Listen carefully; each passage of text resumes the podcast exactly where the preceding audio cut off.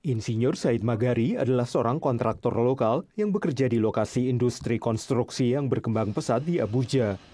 Namun menurut Said, kehadiran perusahaan konstruksi besar Tiongkok di Nigeria telah membatasi pemborong lokal seperti dirinya hanya mengerjakan proyek perumahan yang lebih kecil. And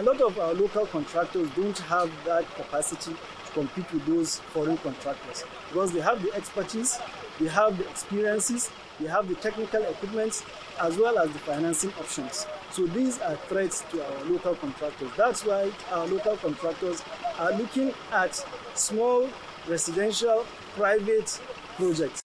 Perusahaan-perusahaan Tiongkok masuk dan mengisi kekosongan itu. Pada September 2021, utang Nigeria ke Tiongkok mencapai 4,1 miliar dolar, terutama untuk proyek infrastruktur, menurut kantor manajemen utang Nigeria. Konsultan pembangunan JD Ojo percaya pinjaman Tiongkok merupakan faktor yang memaksa pemerintah memberikan proyek konstruksi kepada perusahaan-perusahaan Tiongkok. China will give you the loan, but we also state in the terms and condition of the loan that they need to bring in their own expertise and their own uh, infrastructure to execute the project.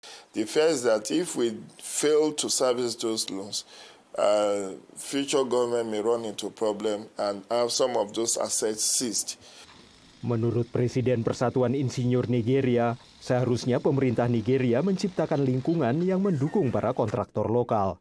Government should deliberately invest in our own local contractors. How do they invest? Just give us jobs and challenge us.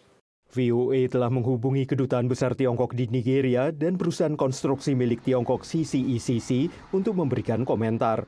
Namun pertanyaan dan permintaan wawancara tidak dijawab. Dalam sebuah pernyataan, Duta Besar Tiongkok untuk Nigeria, Cui Jianchun mengatakan negaranya adalah kontributor utama untuk pembangunan infrastruktur di negara itu. Namun bagi para insinyur seperti Said, dominasi perusahaan konstruksi Tiongkok menggusur talenta Nigeria karena sejumlah kontraktor akhirnya mencari peluang lebih baik di tempat lain, sementara lainnya bekerja di sektor berbeda. Now the challenges we have are that you are not given chances, opportunities for training, mentorship, participation for these our local and young growing people. Tapi untuk saat ini, menurut Said, ia dan rekan-rekannya hanya akan harus fokus untuk membangun rumah tinggal saja.